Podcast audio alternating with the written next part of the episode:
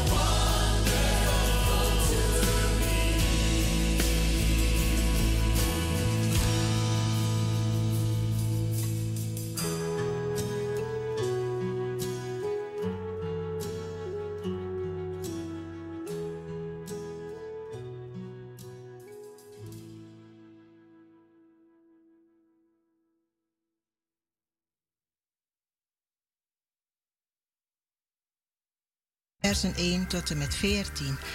Uw hart wordt niet ontroerd. Gij gelooft in God, gelooft ook in mij. In het huis mijns vaders zijn vele woningen. Anders zou ik het u gezegd hebben, want ik ga heen om uw plaats te bereiden. En wanneer ik heen gegaan ben en uw plaats bereid heb, kom ik weder en zal u tot mij nemen, opdat ook gij zijn moogt waar ik ben. En waar ik heen ga, daarheen weet gij de weg. Thomas zeide tot hem: Heere, wij weten niet waar gij heen gaat. Hoe weten wij dan de weg? Jezus zeide tot hem: Ik ben de weg en de waarheid en het leven. Niemand komt tot de Vader dan door mij. Indien gij mij kent, zoudt gij ook mijn Vader gekend hebben. Van nu aan kent gij hem en hebt gij hem gezien. Filippe zeide tot hem: Heere, toon ons de Vader en het is ons genoeg. Jezus zeide tot hem: Ben ik zo lang bij u, Filippus, en kent gij mij niet? Wie mij gezien heeft, heeft de Vader gezien. Hoe zegt gij dan: Toon ons de Vader? Gelooft gij niet dat ik in de Vader ben en de Vader in mij is? De woorden die ik tot u spreek, zeg ik uit mijzelf niet, maar de Vader die in mij blijft, doet zijn werken. Gelooft mij dat ik in de Vader ben en de Vader in mij is, of anders gelooft om de werken zelf. Voorwaar, voorwaar, ik zeg u, wie in mij gelooft, de werken die ik doe, zal hij ook doen, en grotere nog dan deze, want ik ga tot de Vader. En wat gij ook vraagt in mijn naam, ik zal het doen, opdat de Vader in de Zoon verheerlijkt worden. Indien gij mij iets vraagt in mijn naam, ik zal het doen. Dat was Johannes 14, de versen 1 tot en met 14.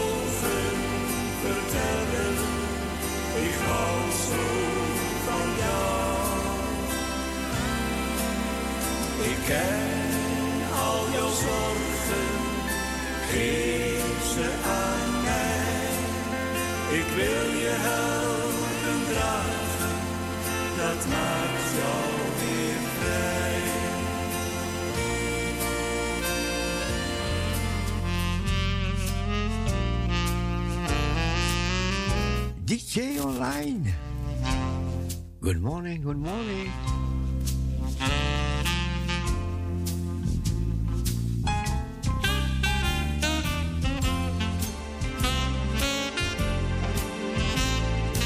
We gaan een zegen vragen voor deze nieuwe dag. Heer, we dragen de dag aan u op.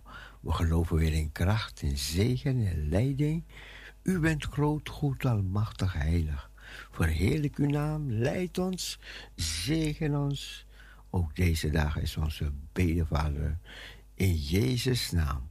We dragen de presentatie, de uitzending aan u op.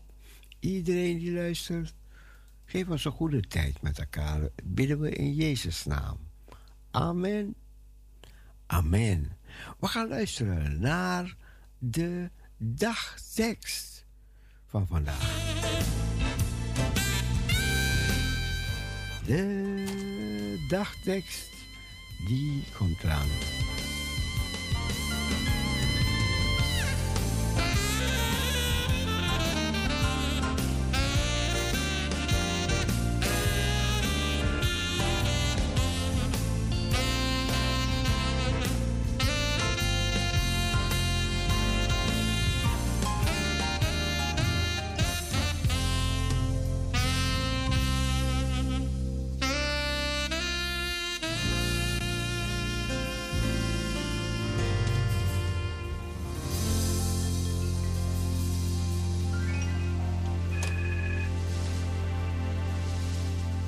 Goedemorgen. Goedemorgen, broeder Cecile.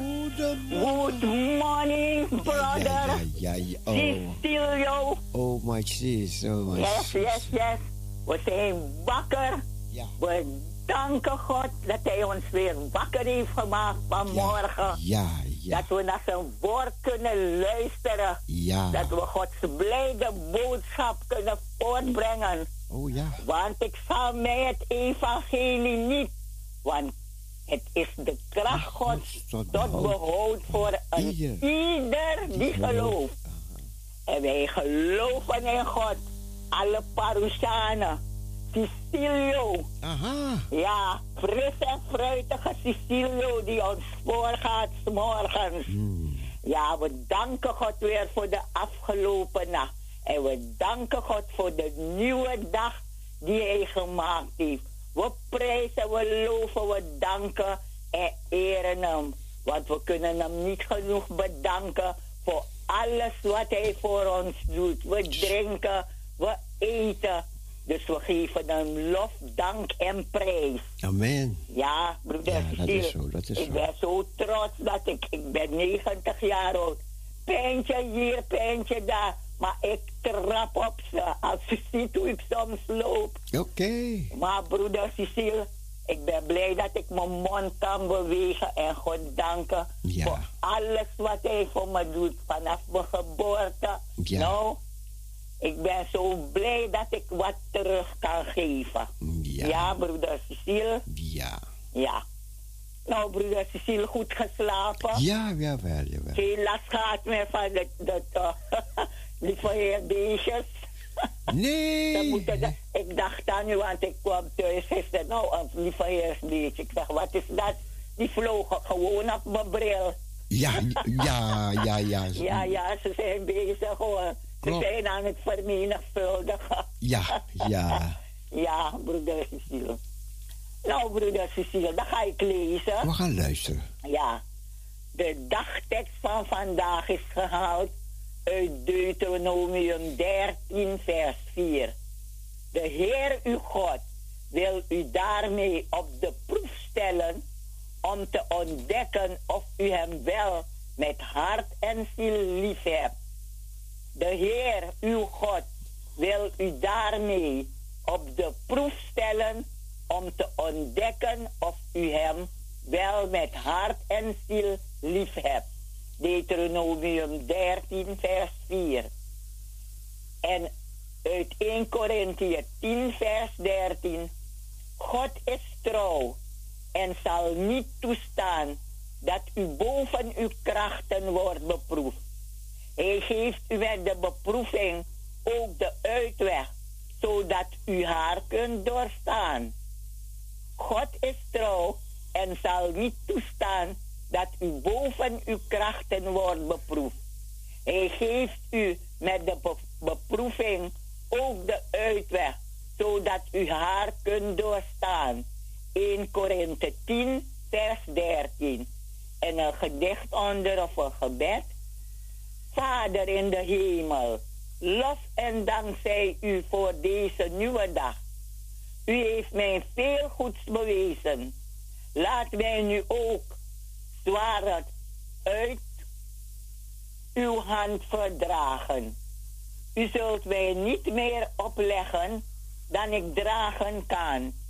U laat uw kinderen alle dingen ten goede komen. Vader in de hemel, lof en dank zij u voor deze nieuwe dag. U heeft mij veel goeds bewezen. Laat mij nu ook het zware uit uw hand verdragen. U zult mij niet meer opleggen dan ik dragen kan. U laat uw kinderen alle dingen ten goede komen. Amen, broeder Cecile. Amen. Dat was de dagtekst, de leertekst en een, een gebed geschreven door Dietrich Bonhoeffer. Ik weet niet als ik het goed uitspreek. Ja, het is een, een gedicht of een, eh, een eh, gebed. Ja. Ja, dat onder die dagteksten staat. Ja? Ja. Ja, broeder Cecile. Dan groet ik weer iedereen die op luisteren zit, van verre en dichtbij. Mhm.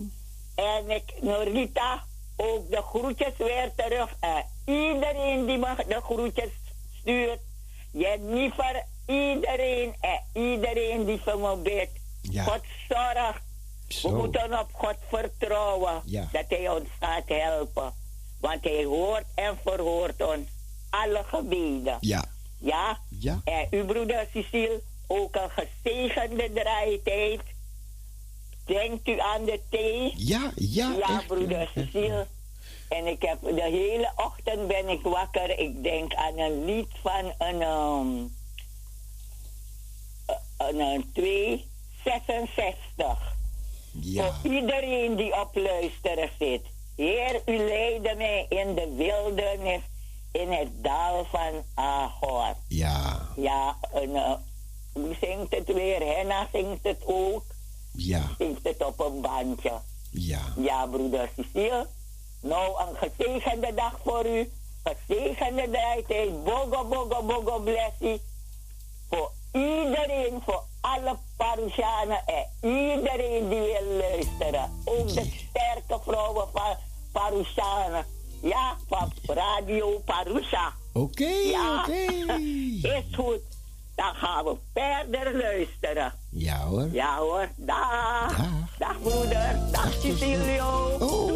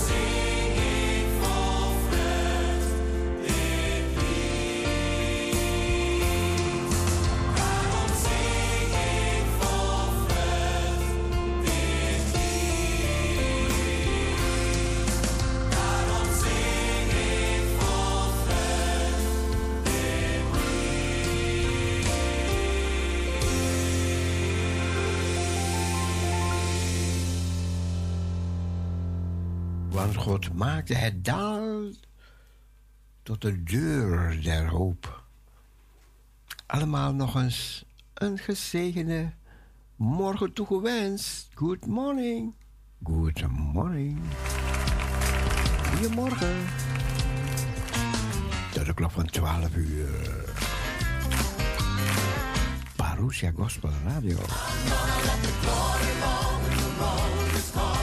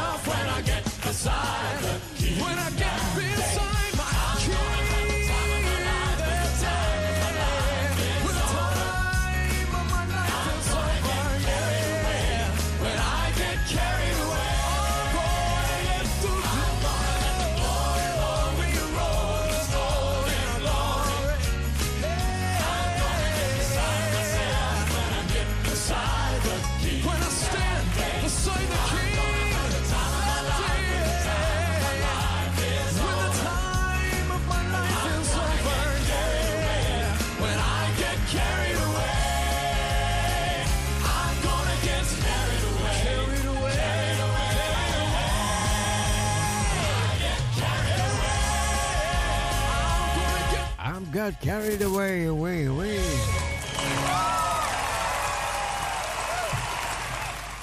Ja, ik was heel vroeg wakker, heel vroeg. Voor vijf uur. En zeven uur, zeven uur hoor ik de wekker gaan en toen viel ik weer in slaap. Ja, ja, ja, ja, ja. Heb ik nog een half uurtje geslapen? Wat? Ja, vakantietijd, hè. Het is vakantietijd. Ja, ja ik, las, ik las sommige dingen zoals... Als je... Als je eh, natuurlijk, ik heb even de bijbelstudie gedaan. Maar heb ik ook een paar dingetjes gelezen, zoals de, de, als je je mobiel oplaadt. Ja, vroeger liet je het altijd leeglopen en dan ging je het opladen, maar nu zeggen ze als het 50% is opgeladen, ja, dan moet je het opladen. Dus, dus dat is gewoon voor de mensen die het opladen. Hè. Dus wanneer het half vol is, dan moet je het opladen. Nou ja, kijk, zulke, kleine tipjes. Ik dacht, oh, oh, oh, dan ga ik met de luisteraars delen. Ja, en ik las ook iets van Israël. Dat niet zo leuk is voor de christenen. Nee. Maar dat ga ik later, later vertellen. Later. Als er nog meer mensen wakker zijn in de vakantietijd. Maar dat komt eraan. Dat komt eraan. Door dit alles heen hebben wij leren geloven.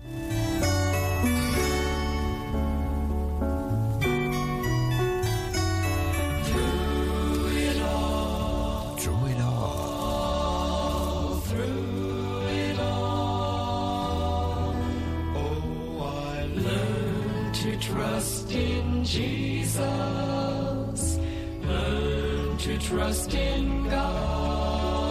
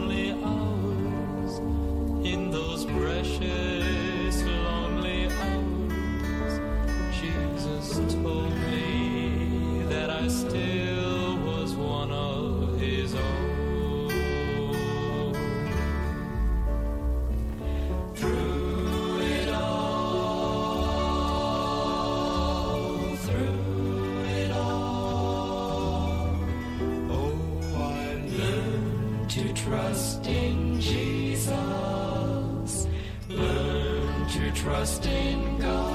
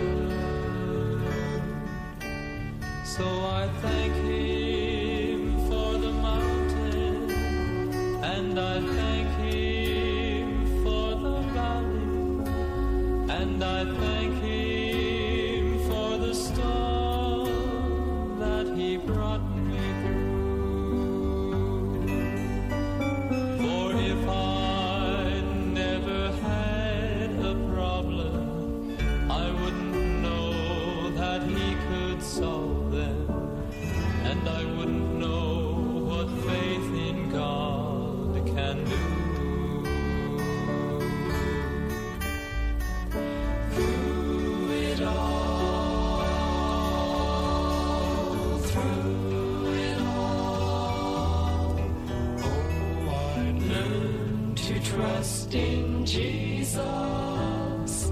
Learn to trust in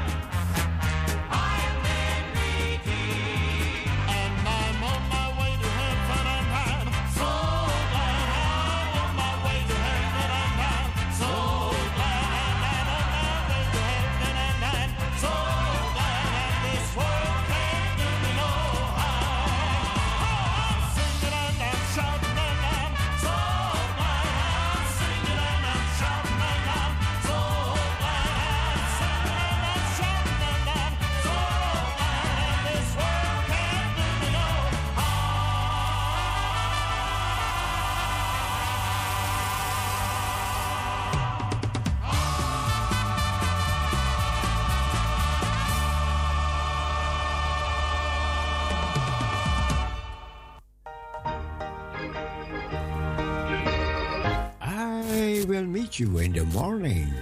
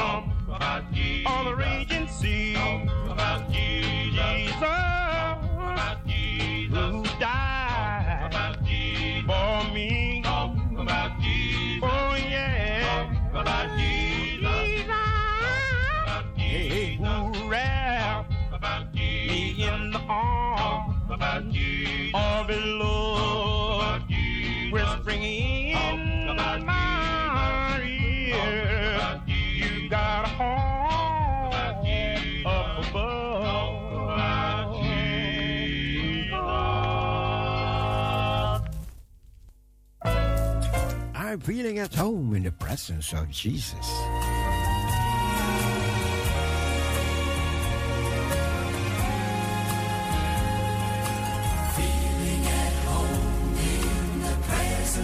Jesus, here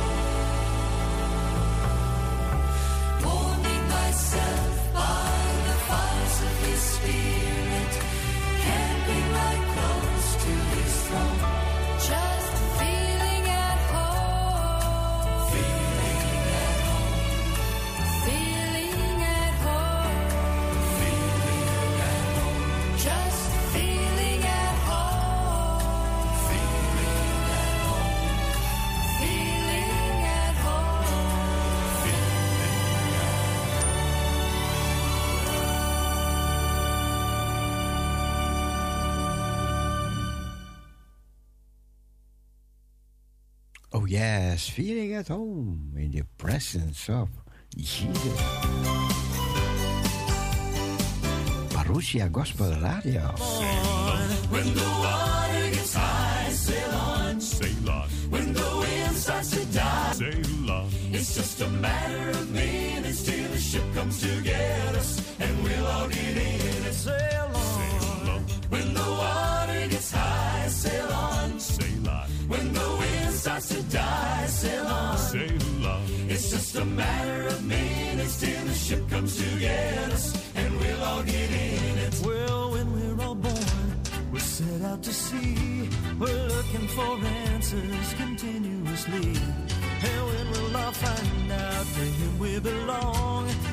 Watch for the sign to keep sailing on, sail on. When the water gets high, sail on. When the wind starts to die, sail on. It's just a matter of minutes till the ship comes to get us, and we'll all get in it. Oh, cast up your sails and let the wind blow. The wind Jesus will never let your ship lose control. Just keep your compass set on the sun, and he'll guide us ever to his beautiful home. We can afford.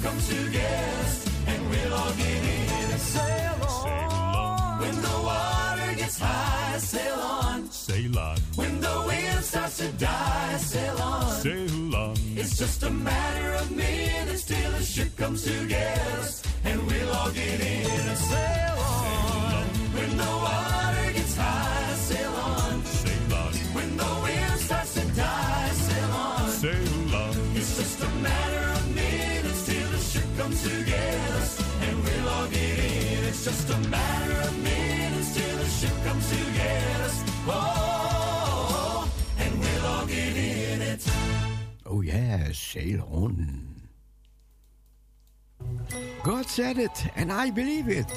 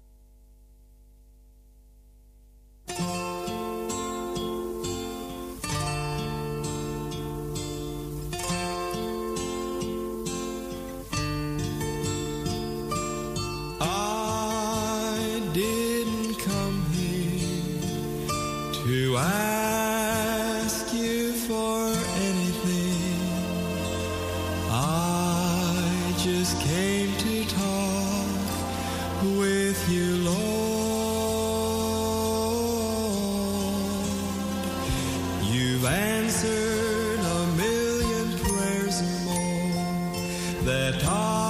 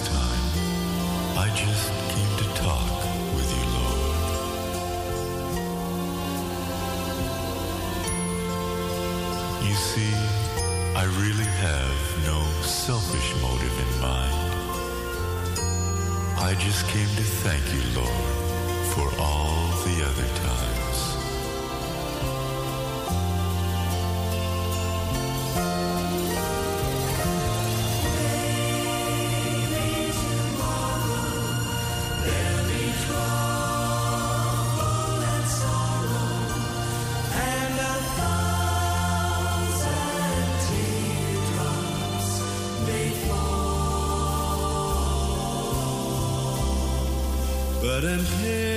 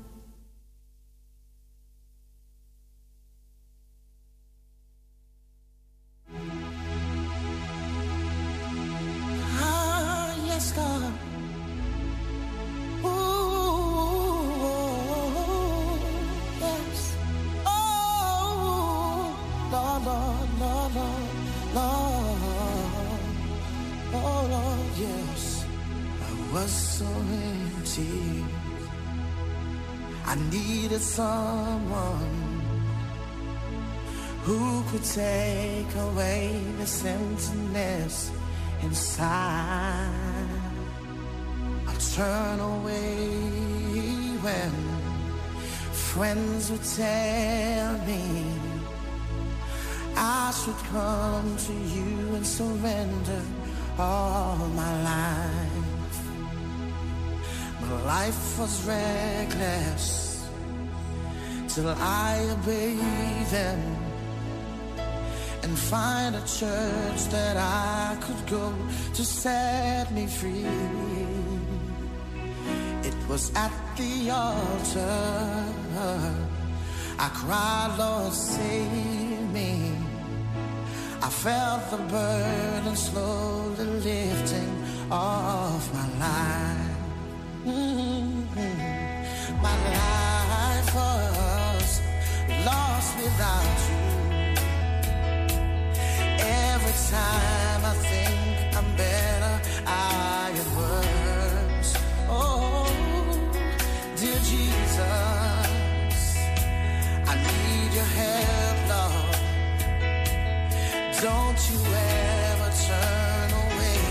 and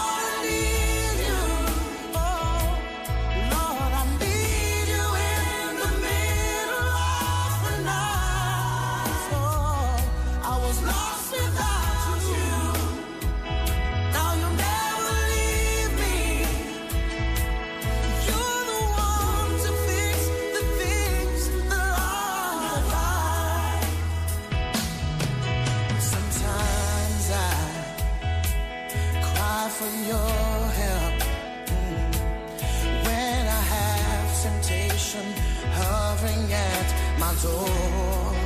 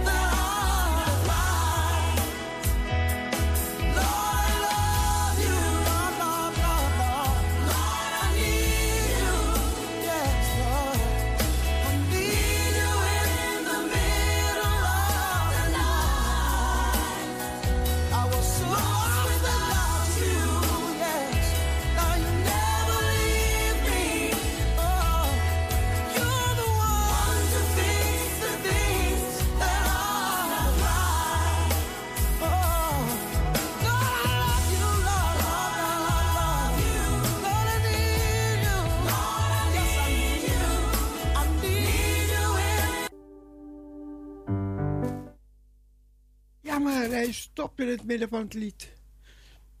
Lord, I love you. Lord, I need you.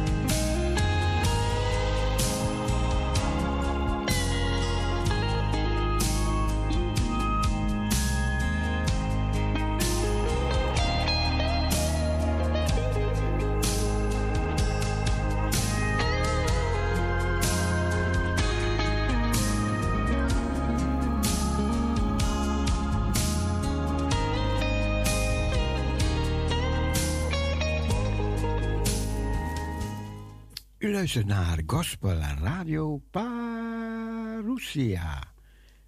Your Gospel Radio. We gaan luisteren naar, naar, naar de schriftlezing van deze morgen.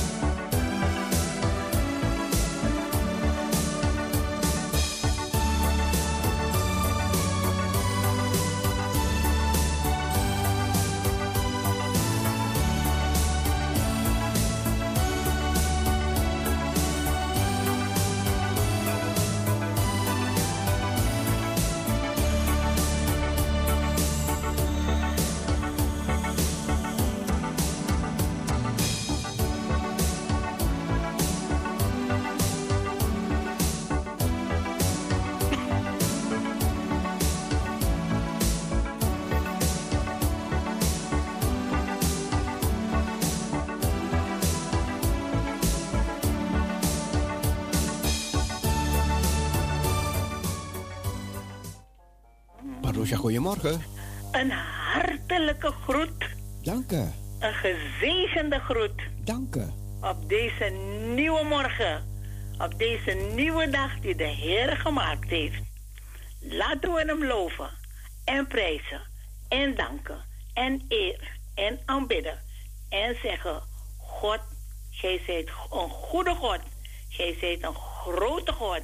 Gij zijt een soevereine God. Gij zijt een alwijze God. Gij zijt de Alpha, de Omega, begin en het einde, de eerste en de laatste. Gij zijt God, Jehovah, God. Gij zijt God, de Allerhoogste Heer. Geven wij alle eer, lofprijs, dank en aanbidding door zijn Zoon, onze Heer Jezus Christus, in gemeenschap met de Heilige Geest. Amen. Amen.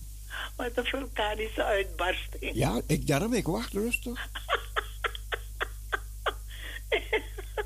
Ja. Ja, ja, ja. En dan bidden we toch elke dag, elke dag, heren. Maak mij uw wezen bekend. Ja. Heren, leer mij uw paden. Heren, leid mij in uw waarheid, vader, en leer mij.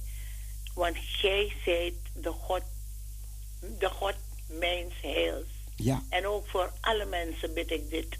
In Jezus' naam.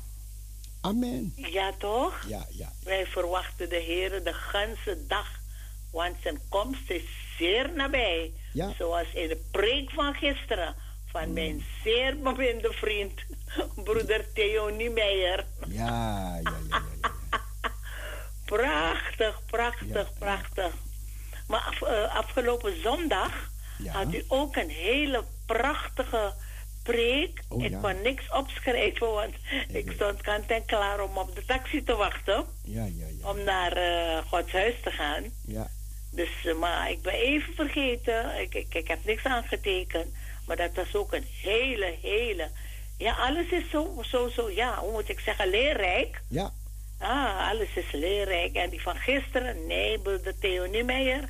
En alle anderen. Die van, ook heb, die van u heb ik ook beluisterd, hoor. Jawel, jawel. jawel. Ja, zeker weten. Want vorige week, donderdag geloof ik, Ja. hebt u het laten horen, toch? Ja, ja, ja. Ja, dus ik heb ook geluisterd. Ik heb ook aantekeningen gemaakt. Oké. Dus eh, ik ben goed bezig. Ja. Ja? Ja hoor. Ja, u bent niet vrolijk vandaag? Jawel, ik luister, want u explodeert zo. En, de, en wanneer die, die vulkaan zo bezig bent, dan, weet je, dan word je stil, hè? Want je weet niet welke kant het op gaat. nou, het kan maar één kant opgaan, de kant van de heren, hoor. Ja, ja, nee, ik moet even wat vertellen. Ik, eh, we hadden het gisteren over eh, die, die, die diertjes, die vlindertjes. En, Oh, ja, ja, ja, ja. En ik, ik, eh, als ik mijn achterraam open doe, Ja. eh, heb ik twee keer al gemerkt, dan gaat er een vlindertje in een bepaalde hoek daar zitten. Ja, oh, oké. En vanmorgen deed ik dat gordijn weer open en daar staat die vlinder weer. Oké. Terwijl ik die vlinder gisteren gepakt heb met mijn vingertjes. En vingertjes, ja, ja. heb ik hem weer buiten eh, laten vliegen. Oh, wat en mooi. vanmorgen doe ik die, dat gordijn open en daar zit het vlindertje weer. Ja, ja. Dus ik heb hem weer gepakt. En ik heb die vlinder weer buiten laten vliegen. Oh, ik goed, heb niks opengemaakt, maar straks als ik gelezen heb, Ja. ga ik openmaken. Dan ga ik daar staan kijken wat die vlinder doet. Ja. Oké. Ze bakenen hun terrein af, hè? Ja, zeker, zeker, zeker. Want ik heb in de, in de zomer hebben ze heel veel natuurfilms laten zien. Oh, oh ja. Heel veel op de televisie. Heel Right. veel natuurfilms. En ik heb bijna allemaal gezien. Oh, zo. En, en, en, ja, ja, ja. En eh, dan bewonder je Gods schepping, hoor. Ja, Ja, zeker weten. En alles heeft hij... Ja, de alwijze God... Die heeft alles zo prachtig gemaakt. ja. En wat hebben wij met zijn, met zijn kosmos gedaan? Wat hebben wij gedaan met zijn natuur? Ja, we zijn nog steeds het te veranderen. Ja, ja, maar goed. eh, eh, we zullen kijken hoe ver de mens komt. Ja. Maar wij bouwen op God. Ja. En wij vertrouwen op hem en op hem alleen. En we houden ons daaraan vast. Zeker weten, het woord Gods. Ja. Eh, hij was er, hij is er en hij zal er zijn. Amen. Amen. Ja, ja. Nou, dan gaan we lezen. We gaan luisteren. Ja, luisteraars. Ik heb twee schriftlezingen voor u. De eerste schriftlezing is uit Psalm 27. Hebt u Bijbel al bij u? Hebt u het al opengemaakt? Psalm 27. Leest u maar mee. Veilig in Gods hoede van David. De Heere is mijn licht en mijn heil. Voor wie zou ik vrezen? De Heere is mijn levensveste. Voor wie zou ik vervaard zijn? Toen boosdoeners op mij afkwamen om mijn vlees te eten, mijn tegenstanders en mijn vijanden, zijn zij zelf gestruikeld en gevallen. Al legert zich een leger tegen mij, mijn hart vreest niet. Al verheft zich een krijg tegen mij, nochtans blijf ik vertrouwen. Eén ding heb ik van de Heere gevraagd, dit zoek ik. Te verblijven in het huis des Heeren al de dagen van mijn leven, om de lieflijkheid des Heeren te aanschouwen en om te onderzoeken in zijn tempel. Want hij bergt mij in zijn hut ten dagen des kwaads. Hij verbergt mij in het verborgene van zijn tent. Hij plaatst mij hoog op een rots. En nu heft mijn hoofd zich op boven mijn vijanden rondom mij. Daarom wil ik in zijn tent offeren offers met geschal. Ik wil zingen, ja, psalm zingen, de Heere. Hoor, Heere, hoe ik luide roep. Wees mij genadig en antwoord mij. Van uwentwege, zegt mijn hart, zoekt mijn aangezicht. Ik zoek uw aangezicht, heren. Verberg uw aangezicht niet voor mij. Wijs uw knecht niet af in toren. Gij waart mijn hulp. Verwerp mij niet en verlaat mij niet, o God mijns heils. Al hebben mijn vader en moeder mij verlaten, toch neemt de Heere mij aan. Onderwijs mij, Heere, uw weg en leid mij op een, op effen pad, om mijner belagers wil. Geef mij niet prijs aan de lust van mijn tegenstanders, want valse getuigen staan tegen mij op en hij die geweld blaast. O, als ik niet had geloofd des Heeren goedheid te zullen zien in het land der levenden. Wacht op de Heere, wees sterk. Uw hart zij onversaagd. Ja, wacht op de Heere. En de tweede schriftlezing is uit Leviticus hoofdstuk 17. De offerplaats. De Heere sprak tot Mozes. Spreek tot Aaron en zijn zonen en tot alle Israëlieten. En zeg tot hen, dit is hetgeen de Heere geboden heeft. Ieder van het huis Israëls die een rund, een schaap of een geit in de legerplaats of buiten de legerplaats slacht, maar die niet brengt naar de ingang van de tent der samenkomst om een offergave aan de Heere te brengen voor de tabernakel des Heeren. Als bloedschuld zal dat die man worden aangerekend. Hij heeft bloed vergoten en die man zal uit het midden van zijn volk uitgeroeid worden, opdat de Israëlieten hun slachtoffers brengen die zij op het open veld plegen te offeren. Zij moeten ze brengen voor de Heere, naar de ingang van de tent der samenkomst, tot de priester, om ze als vredeoffers de Heere te offeren. Dan zal de priester het bloed op het altaar des Heeren bij de ingang van de tent der samenkomst sprengen en het vet in rook doen opgaan tot een lieflijke reuk voor de Heere. En zij zullen hun offers niet meer brengen aan de veldgeesten die zij overspelig nalopen. Een altoos durende inzetting zal dit voor hen zijn in hun geslachten. En gij zult tot hen zeggen, ieder van het huis Israëls of van de vreemdelingen die in uw midden vertoeven, die een brandoffer of slachtoffer offert, maar dat niet naar de ingang van de tent der samenkomst brengt, om het de Heere te bereiden, die zal uit zijn volksgenoten uitgeroeid worden. Verbod om bloed of aas te eten. Ieder van het huis Israëls en van de vreemdelingen die in hun midden vertoeven, die enig bloed eet, tegen zo iemand die dat bloed gegeten heeft, zal ik mijn aangezicht keren en hem uit het midden van zijn volk uitroeien. Want de ziel van het vlees is in het bloed. En ik heb het u op het altaar gegeven om verzoening over uw zielen te doen. Want het bloed bewerkt verzoening door middel van de ziel. Daarom heb ik tot de Israëlieten gezegd: Niemand van u zal bloed eten.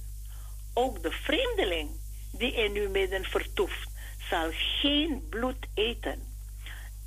En ieder van de Israëlieten en van de vreemdelingen die in uw midden vertoeven, die een stuk wild of gevogelte jaagt, dat gegeten mag worden, zal het bloed daarvan uitgieten en dat bedekken met aarde.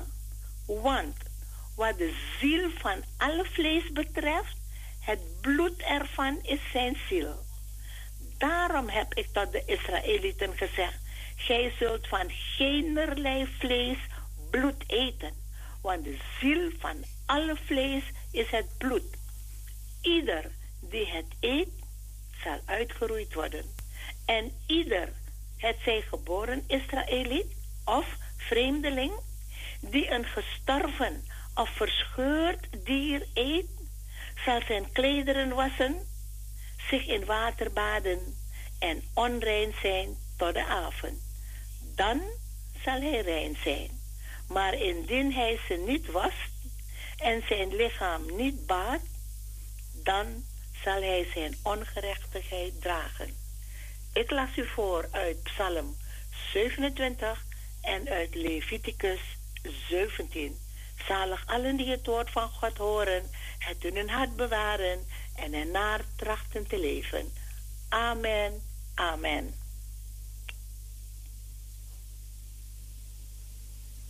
Hoort u mij? Hallo? Ja, ik hoorde je.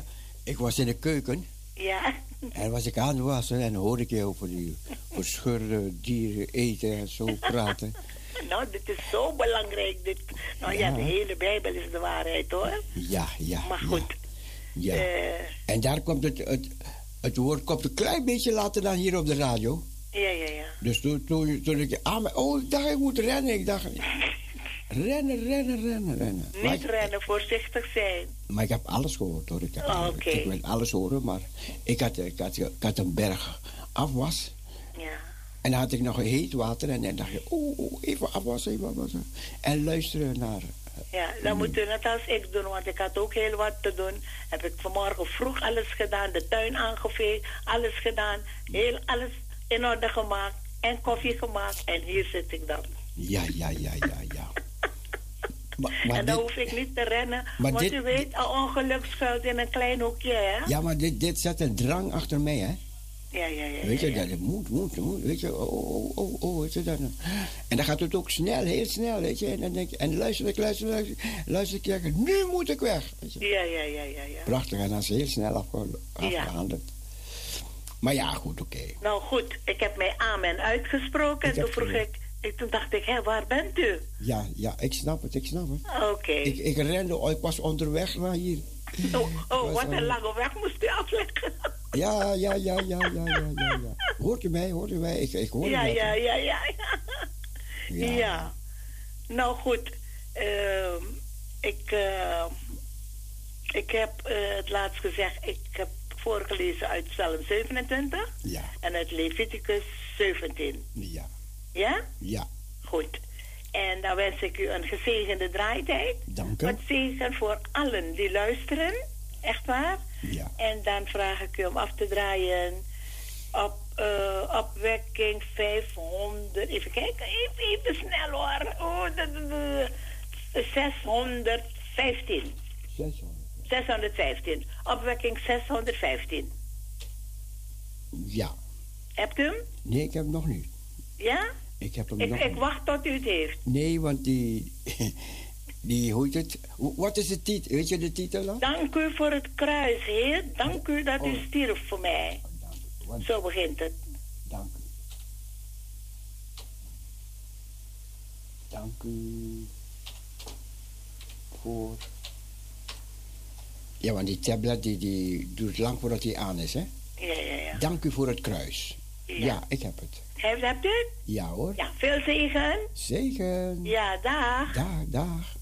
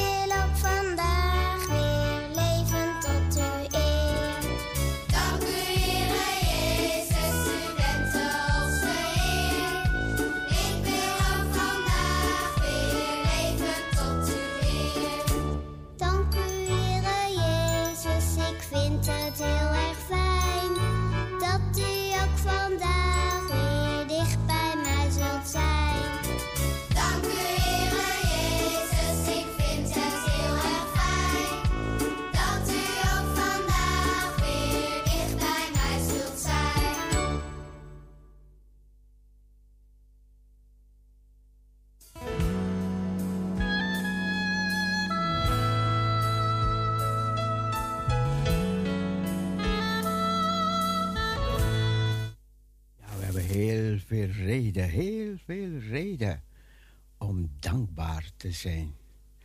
Dank u, dank u, dank u, Heere Jezus. Zometeen het woord ter bemoediging.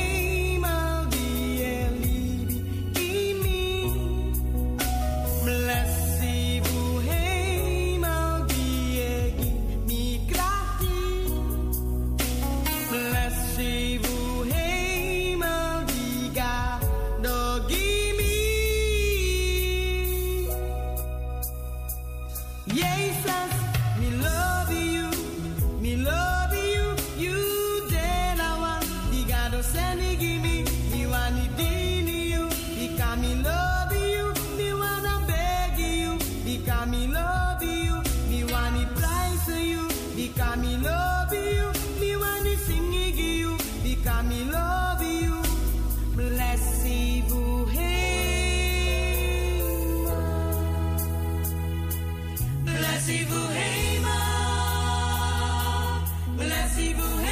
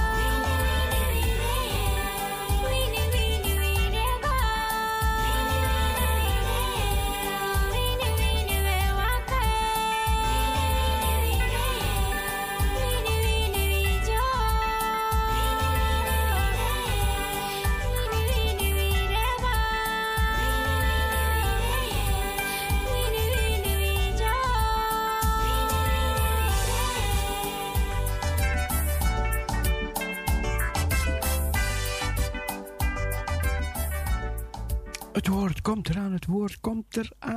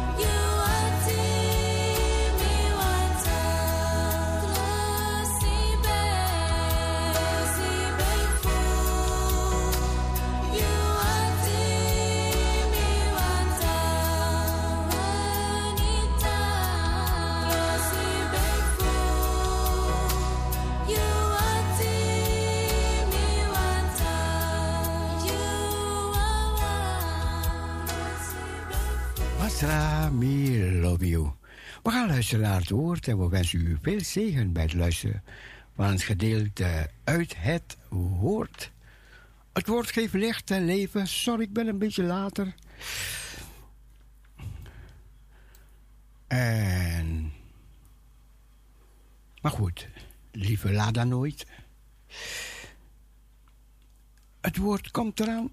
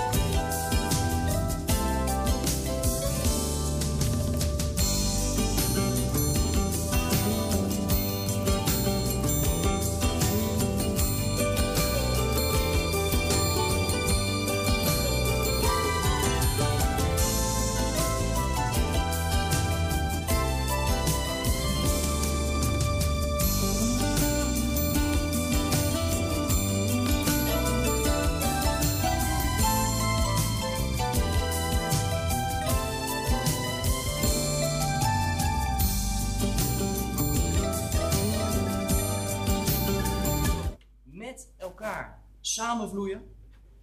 Dat als het voedsel ongezond is, automatisch ook de rest ongezond wordt.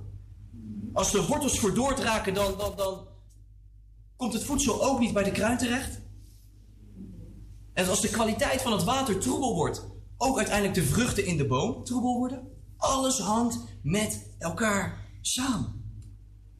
Nou, als laatste de omgeving. Ik zei het net ook al, de lucht en omgeving van uw levensboom bepalen veel van het uiterlijk. Mag ik u heel even meenemen naar 1 Korinthe hoofdstuk 5? 1 Korinthe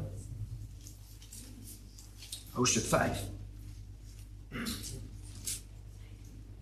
Er was ook veel zedeloosheid in de gemeente in Korinthe. Er waren allerlei immorele vormen van seksualiteit. En daarom zegt Paulus ook in vers 6 onder andere: Uw roem is niet goed. Weet u niet dat een klein beetje zuurdeeg het hele deeg doorzuurt? Verwijder dan het oude zuurdeeg, opdat u een nieuw deeg zult zijn. U bent immers ongezuurd, want ook ons paaslam is voor ons geslacht. Christus, een ongezuurd paaslam. Laten wij dus feest vieren niet met oud zuurdeeg, zuurdeeg ook niet met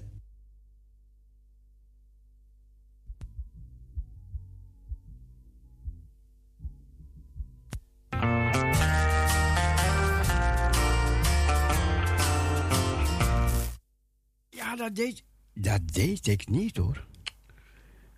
Waarom doet hij dat nou? Oké. Ook niet met zuurdeeg van slechtheid en boosaardigheid, maar met ongezuurde broden van oprechtheid en waarheid. Daarom doen we het avondmaal ook met ongezuurd brood. Ik heb u geschreven in de brief dat u zich niet moet inlaten met ontuchtplegers.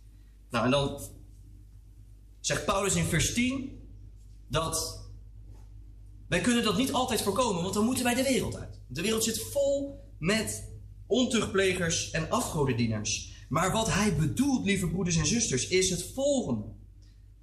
Vers 11. Maar nu heb ik u geschreven dat u zich niet moet inlaten met iemand die, terwijl hij een broeder wordt genoemd, een ontuchtpleger is. Of een hebzuchtige, of een afgodendienaar, of een lasteraar, of een dronkaard, of een rover. Met zo iemand moet u zelfs niet eten, zegt hij. Het is toch niet aan mij om hen die buiten zijn te oordelen?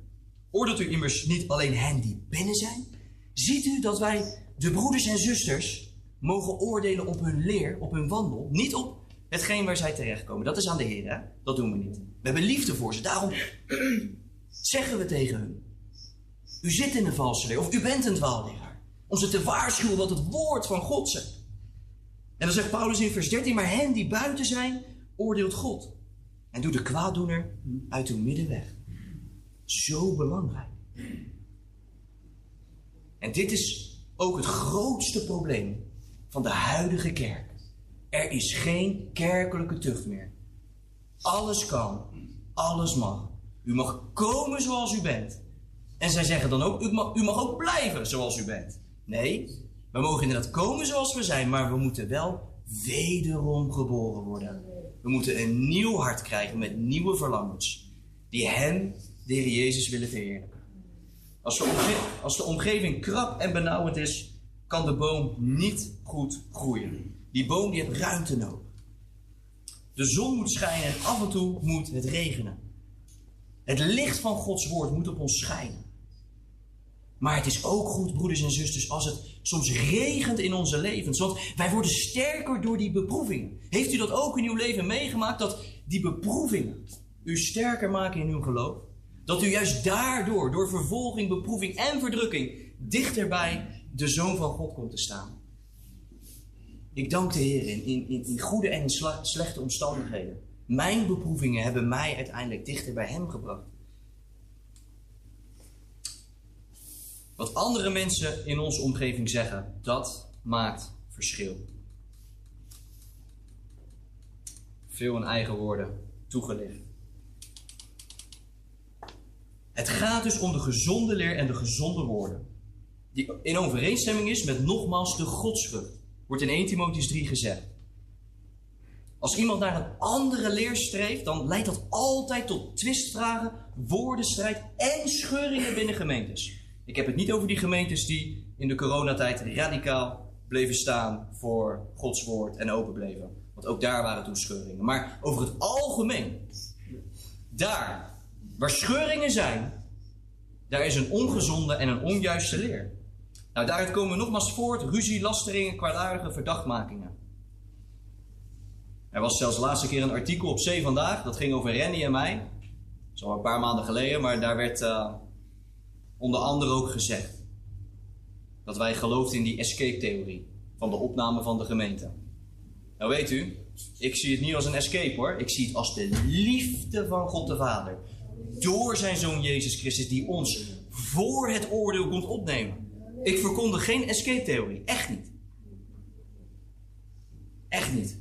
Het is de liefde van Christus die ons bewaart voor het oordeel. Het oordeel van God is gekomen op zijn zoon, op het kruis van Golgotha. En het is onmogelijk dat als de gemeente van Christus in de grote verdrukking is, Het is onmogelijk dat als de gemeente van Christus in de grote verdrukking is. Het is onmogelijk omdat Christus dan nogmaals moet lijden. En wij worden omschreven als zijn lichaam.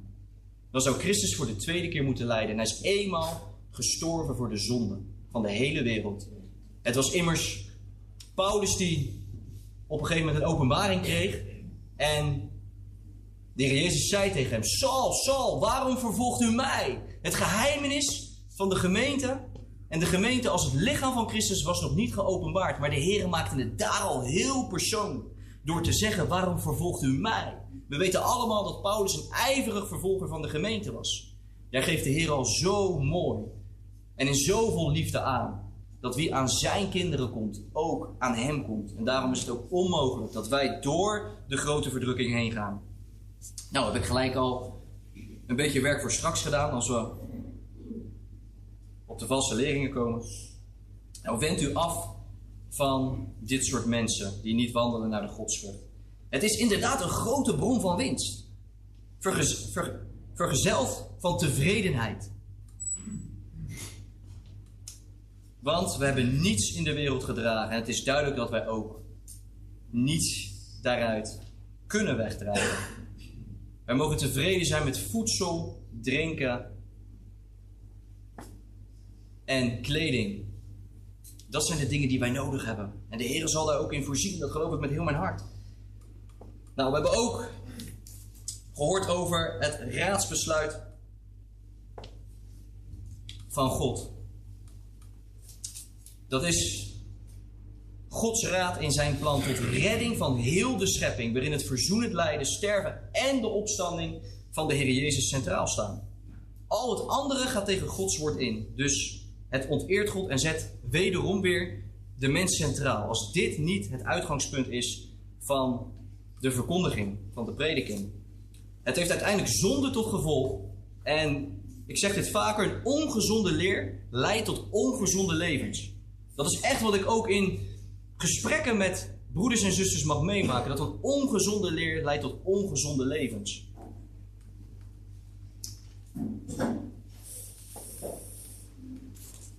Nou, het stukje uit Galaten 1 hebben we net gehoord. Dus dan komen we aan bij de valse leerstelling. Hoe wordt het evangelie aangevallen? Wat zijn de specifieke acties die de valse leraren, de dwaalleraren, uitvoeren? We hebben de charismatische beweging. Onder andere wat er geleerd wordt in veel Pinkstergemeenten. En nogmaals, misschien niet in alle, maar wel in veel Pinkstergemeenten. Is dat u in tongen moet spreken om te laten zien dat u de geest van God heeft. Daar wordt het woord, het Griekse woord glossa voor gebruikt. Dit woord betekent letterlijk talen, vreemde talen. Het is nooit een klankentaal of een brabbeltaal geweest. Het zijn altijd verstaanbare talen geweest. Het woord profeteo. Paulus rekent het profeteren tot de gave van de geest, die als doel hebben de mensen te stichten en te vermanen en op te bouwen in het geloof. Om elkaar ook te bemoedigen. Dus profiteren kunnen we ook omschrijven als schriftuitlegging. Nou, wat we tegenwoordig zien in de gemeente, en dat is een, een geest die vanuit het oosten is gekomen, een nieuw aidsgeest ook. Er wordt onder andere geleerd dat mensen bij elkaar een hand moeten opleggen en dan gaan ze een beeld of een visioen over elkaar uitspreken. En dan zeggen ze bijvoorbeeld van ja, ik, ik, ik zie nu dat er dit en dit in jouw leven speelt. En dan zeggen klopt dat? Ik heb het wel eens gehoord van broeders en zusters. Ik heb het ook wel eens bij zo'n conferentie gezien. Ik ben ooit één keer per ongeluk met mijn vrouw bij zo'n conferentie terechtgekomen. En toen zei ik tegen haar: We gaan hier gewoon kijken en observeren wat hier gebeurt. Want dit kunnen we uiteindelijk weer meenemen in onze wandel. Om het toetsen aan Gods woord. Toen waren wij nog niet zo heel lang tot levend geloof gekomen. Ik heb daar zoveel van geleerd, want wat ik daar meemaakte was bizar. Sommige beelden die de mensen kregen, klopten ook. Ik hoorde mensen letterlijk zeggen: van ja, dat klopt. Dat en dat speelt in mijn leven. Het is een hele andere geest die werkzaam is. Nou, veel uitingen van de geest dienen eigen vleeselijke begeerten. Die verwijzen nogmaals naar de uiterlijke vertoning. Dus u moet in tongen kunnen spreken, want anders bent u niet geestelijk. Dat is als het ware de maatstaf van hun geestelijk leven. U moet een keer achterover zijn gevallen in de geest. Want anders heeft u bepaalde genadegaven niet gekregen. Het wordt echt verkondigd. En mag ik u dan even meenemen naar 2 Thessalonicense hoofdstuk 2? En het is eigenlijk natuurlijk heel ernstig dat wij dit hier moeten verkondigen. Want als we simpelweg lezen wat het woord van God zegt, dan is het helemaal niet zo moeilijk. Het is geen rocket science.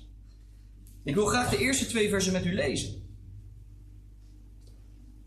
Dit is ook een tekstgedeelte dat betrekking heeft op de komst van de Heer Jezus. En wij vragen u dringend, broeders, met betrekking tot de komst van onze Heer Jezus Christus en onze vereniging met Hem, dat u niet snel aan het wankelen wordt gebracht of verschrikt. Niet door een uiting van de geest, niet door een woord en ook niet door een brief die van ons afkomstig zou zijn. Alsof de dag van Christus al aangebroken zou zijn. Dus met betrekking tot de komst van Christus en de openbaring van de antichrist daarna, wordt er gewaarschuwd, raak niet in beroering, nog door een brief van ons afkomstig, nog door een uiting van de geest. Ik vond dit zo kenmerkend om te lezen, zo typerend.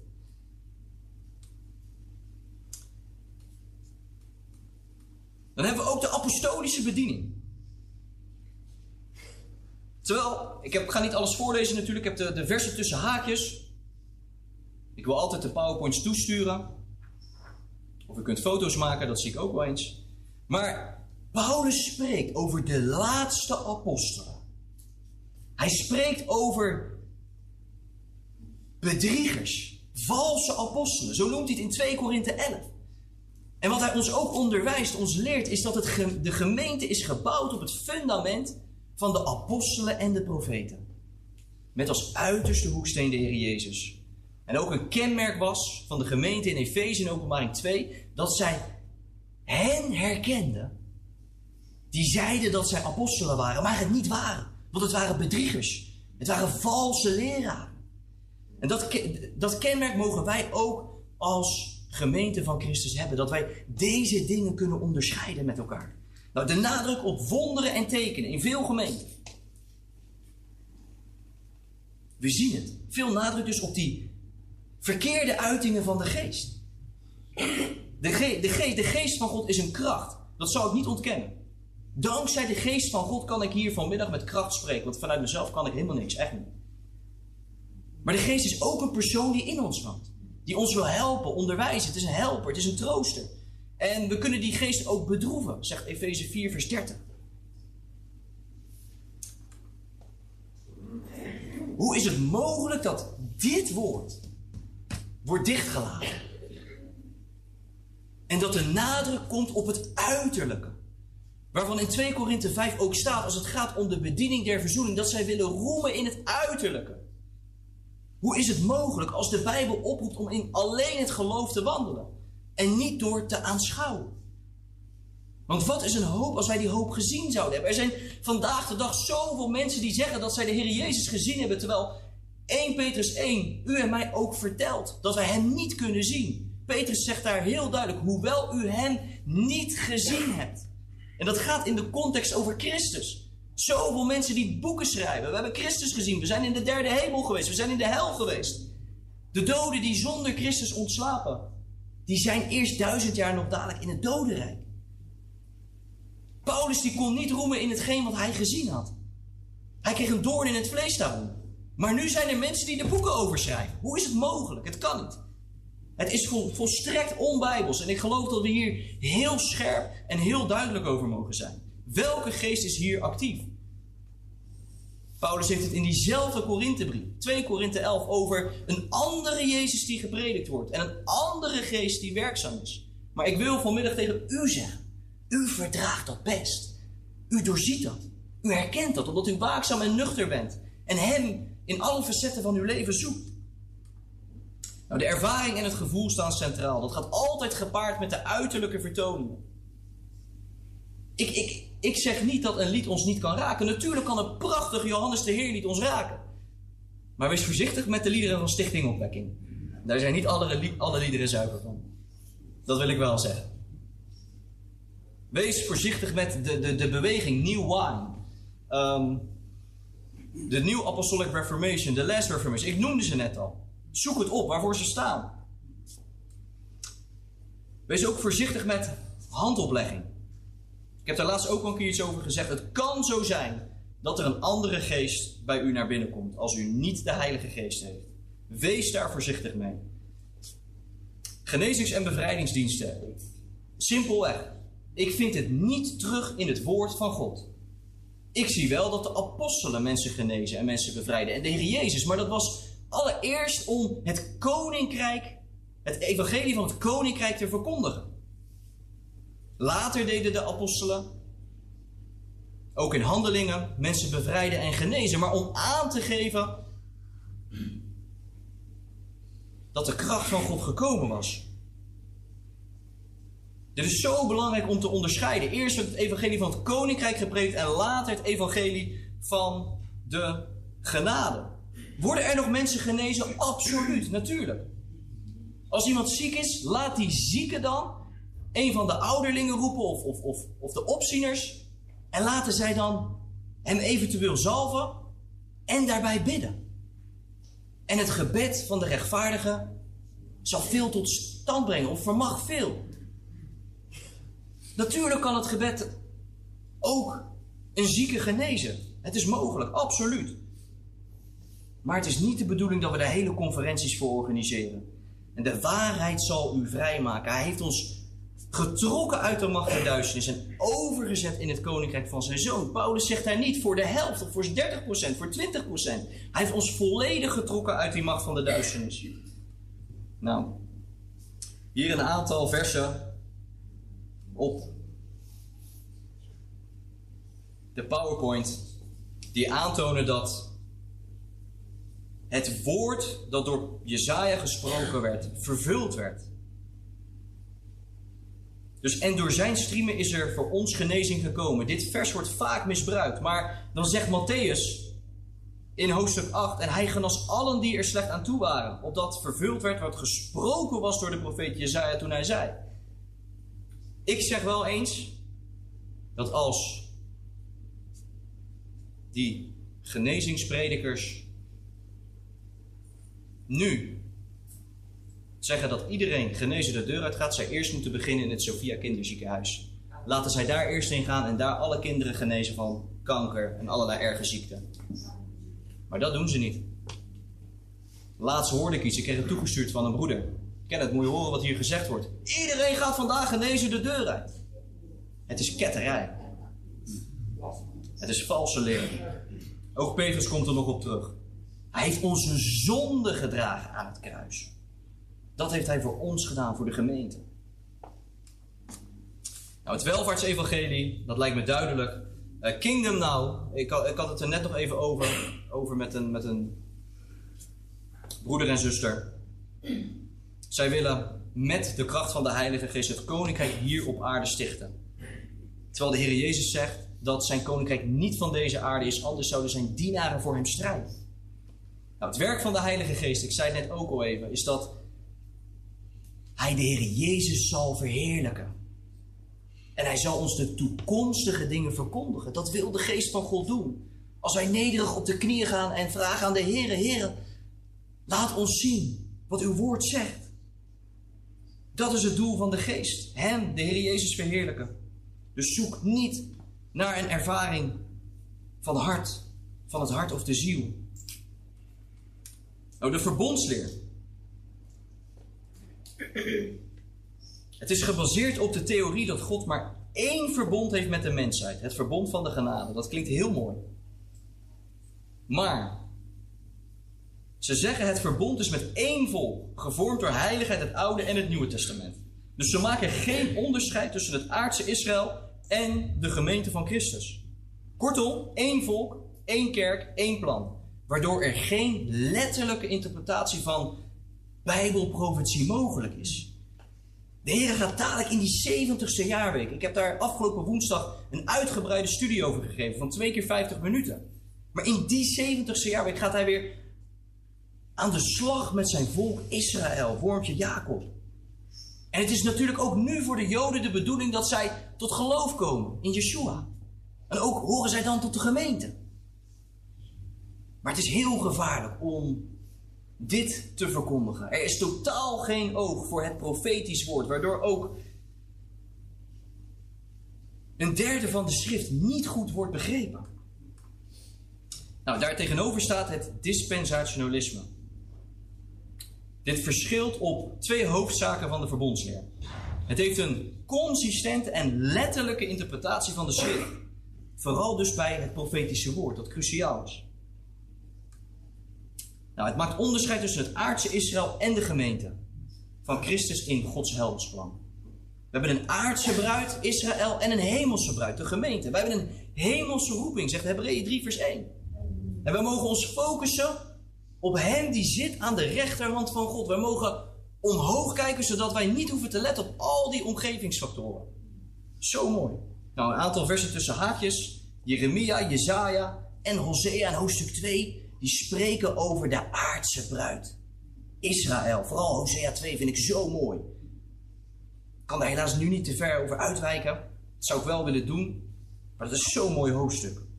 Nou, en dan ook een aantal versen dat de gemeente de bruid, de hemelse bruid van de Heer Jezus is. De ultra-bedelingenleer komt steeds vaker voor. Ik heb een aantal keer mailcontact gehad met mensen die de ultra-bedelingenleer navolgen. Nou, deze mensen maken dan onderscheid tussen de vroege brieven van Paulus en de late brieven. Nou, de vroege brieven zijn dan 1 en 2 Thessalonicense, 1 en 2 Korinthe, Galaten, Romeinen en Hebreeën. En zij zeggen dan dat die brieven niet gaan over de gemeente als lichaam van Christus. Nou, in de vroege brieven zou Paulus nog niet het volle inzicht hebben gehad op het geheimenis van het lichaam van Christus. Zij zeggen dan dat er eerst een gemeente in Israël bestond, waarna later pas het lichaam van Christus ontstond.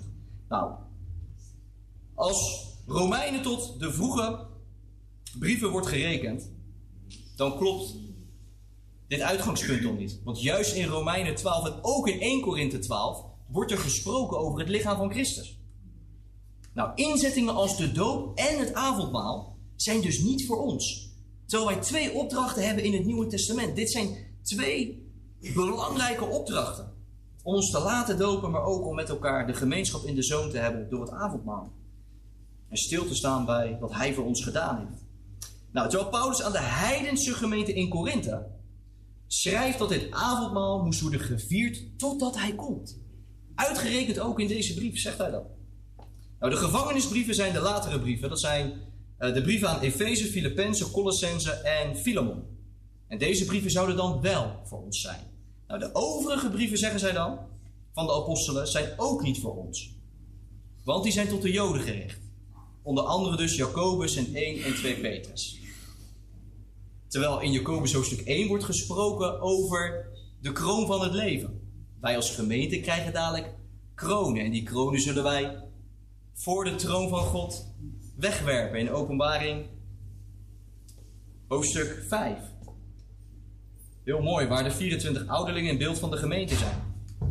Nou, als een Bijbelboek niet relevant is voor de gemeente, dan is dit in strijd met Gods woord. Gods woord zegt namelijk dat heel de schrift door de Heilige Geest is ingegeven en nuttig is om daarmee te onderwijzen, te weerleggen en op te voeden in de rechtvaardigheid. Dus elk Bijbelboek doet ertoe. En dat is wat de ultra-dispensationalisten dus willen afwijzen. Nou, er zijn absoluut bedelingen in Gods woord. We lezen dat in Efeze 1 vers 10, waar gesproken wordt over de bedeling van de volheid van de tijden. Ook wordt er gesproken over dat we het woord der waarheid moeten rechtsnijden. Als een arbeider die zich niet hoeft te schamen. Dus het is belangrijk om dat woord recht te snijden. De Heer werkt anders onder de genade dan onder de wet. Dat is een andere bedeling. Nou, de normale bedelingenleer kan daarentegen wel krachtig worden gebruikt tot opbouw van de gelovigen. Nou, de vervangingsleer. De vervangingsleer leert dat de kerk de plaats van Israël heeft ingenomen. Dus die zeggen niet dat we één zijn geworden met Israël. Nee, we hebben de plaats van Israël ingenomen. Ze hebben dus geen oog voor de toekomstplannen van God met Israël. En zij zeggen ook dat Israël niet meer Gods uitverkoren volk is. Nou, de christelijke kerk is volgens hun de voortzetting van Israël. De Bijbelse beloften aan Israël worden vervuld binnen de christelijke kerk en niet in Israël. Dus profetieën worden als het ware vergeestelijkt. Tot belofte van Gods zegen voor de kerk. Ik vind het heel bijzonder dat mensen hierin kunnen geloven. Hoe kunnen we al die profetieën uit het Oude Testament die betrekking hebben op Israël, onder andere Zacharia 14, waar hij terug zal komen op de Olijfberg en dat hij Juda dan zal bevrijden? Hoe is het mogelijk dat wij dat op de kerk van Christus kunnen betrekken? Het preterisme. De preteristen zien het boek Openbaring als een symbolische afschildering van conflicten in de vroege kerk. Nou, deze visie ontkent dus de toekomstige visie en de toekomstige vervulling van het boek Openbaring. Het heeft dus weer een symbolische interpretatie van Bijbelprofetie. En ze zeggen dan bijvoorbeeld ook dat eindtijdprofetieën van het Nieuwe Testament in 70 na Christus werden vervuld. Onder andere dat de wederkomst van Christus 70 na Christus heeft plaatsgevonden. Maar ook dat de algemene opstanding al heeft plaatsgevonden. Nou, daarover zijn er ook weer, eh, valt er veel te zeggen. De een die gelooft dat wel, dat de opstanding al is geweest en de wederkomst. En de ander die gelooft bijvoorbeeld nog wel dat openbaring hoofdstuk 19 een toekomstperspectief heeft. Dus dat is heel, dat is heel bijzonder. Bij deze valse beweging geloven ze wel in openbaring hoofdstuk 19 als een letterlijke interpretatie. En ook van openbaring hoofdstuk 21. Maar niet alle andere boeken van de openbaring. Nou, daar is dus ook weer wat onderscheid in. Terwijl als we kijken naar Bijbelprofetie, neem profetieën uit het Oude Testament van de eerste komst van Christus als uitgangspunt. Christus kwam op het moment dat werd voorspeld. Daniel hoofdstuk 9 maakt dat ons duidelijk. Maar ook dat Christus uit de maagd geboren werd. En dat Christus leed en stierf voor onze zonde. Jesaja 53. Dit zijn allemaal profetieën die letterlijk vervuld zijn. En je zou er nog honderd kanttekeningen bij kunnen maken. Of honderden, moet ik zeggen. Nou, de laatste, de alverzoeningsleer. De alverzoening. Ook wel het universalisme of universele verlossing genoemd. Dit is een leer die dus verkondigt dat elk mens uiteindelijk in de hemel komt. Bij de Heer. Ik denk, ik heb dat ook zo neergezet, dat het idee van de eeuwige pijniging in de hel de reden is waarom sommigen de Bijbelse leer afwijzen. Terwijl hij zal moeten komen om rechtvaardig te oordelen. Hij kan de zonde niet verdragen. En dit is ook een leer. Ik sprak laatst iemand in de, in de supermarkt. Dat is een kennis van mijn moeder. En die zei, ik ga naar een gemeente in Schiebroek. Dat is het noorden van Rotterdam. En ze zei, ja, ik, heb, ik kijk wel eens naar je video's en ik heb wel een beetje moeite met hetgeen wat jij verkondigt over de hel.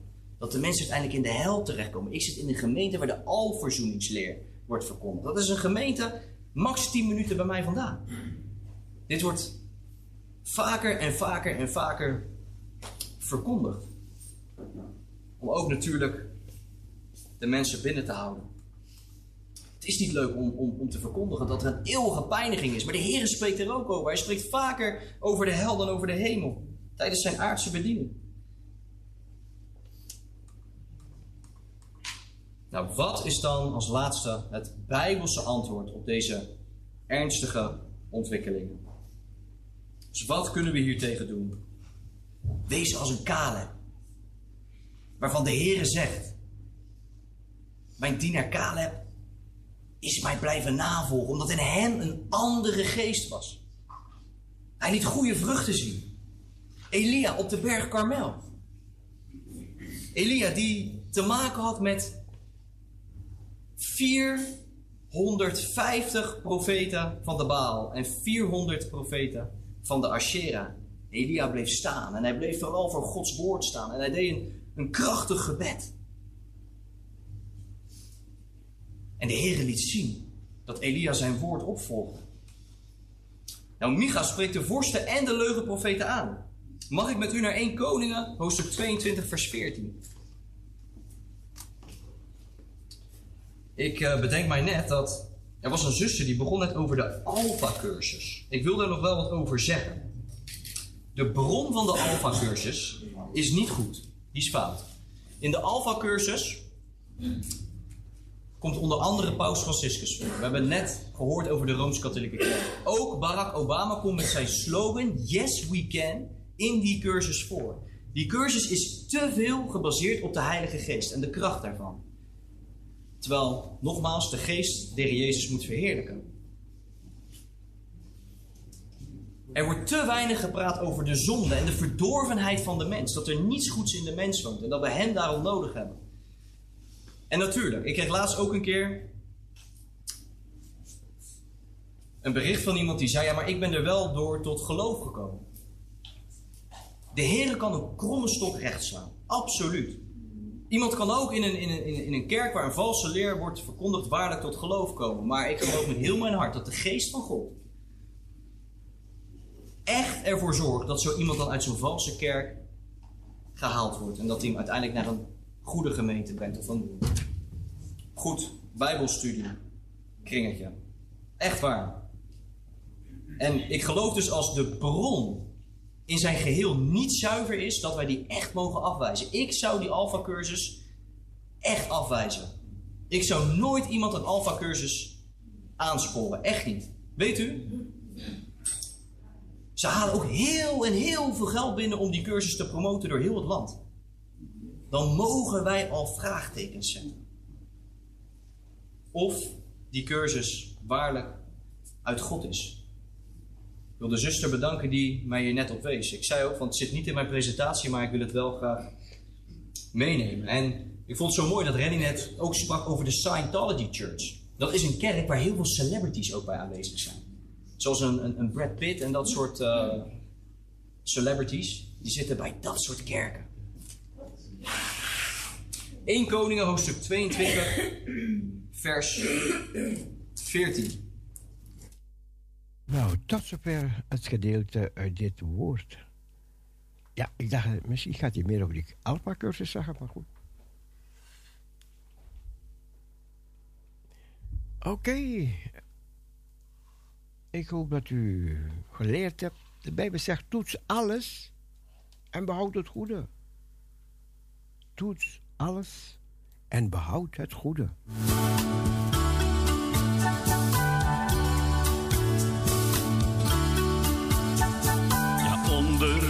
Mensen is leed, waar heel vaak zelfs niemand van weet.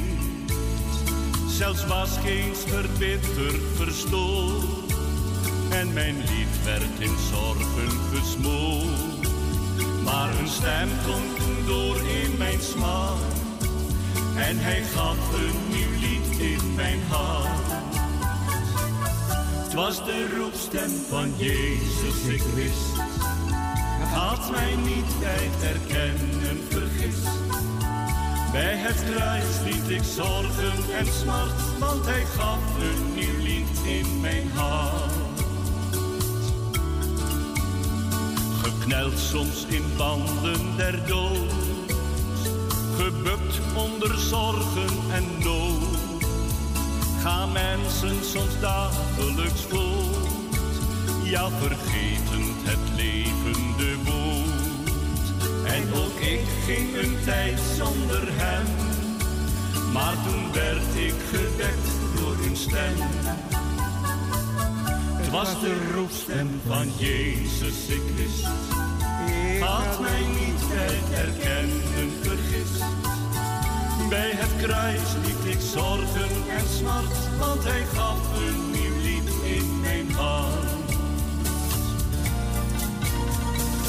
Herder, hij valt niet in slaap. Hij zoekt het verdwalende schaap.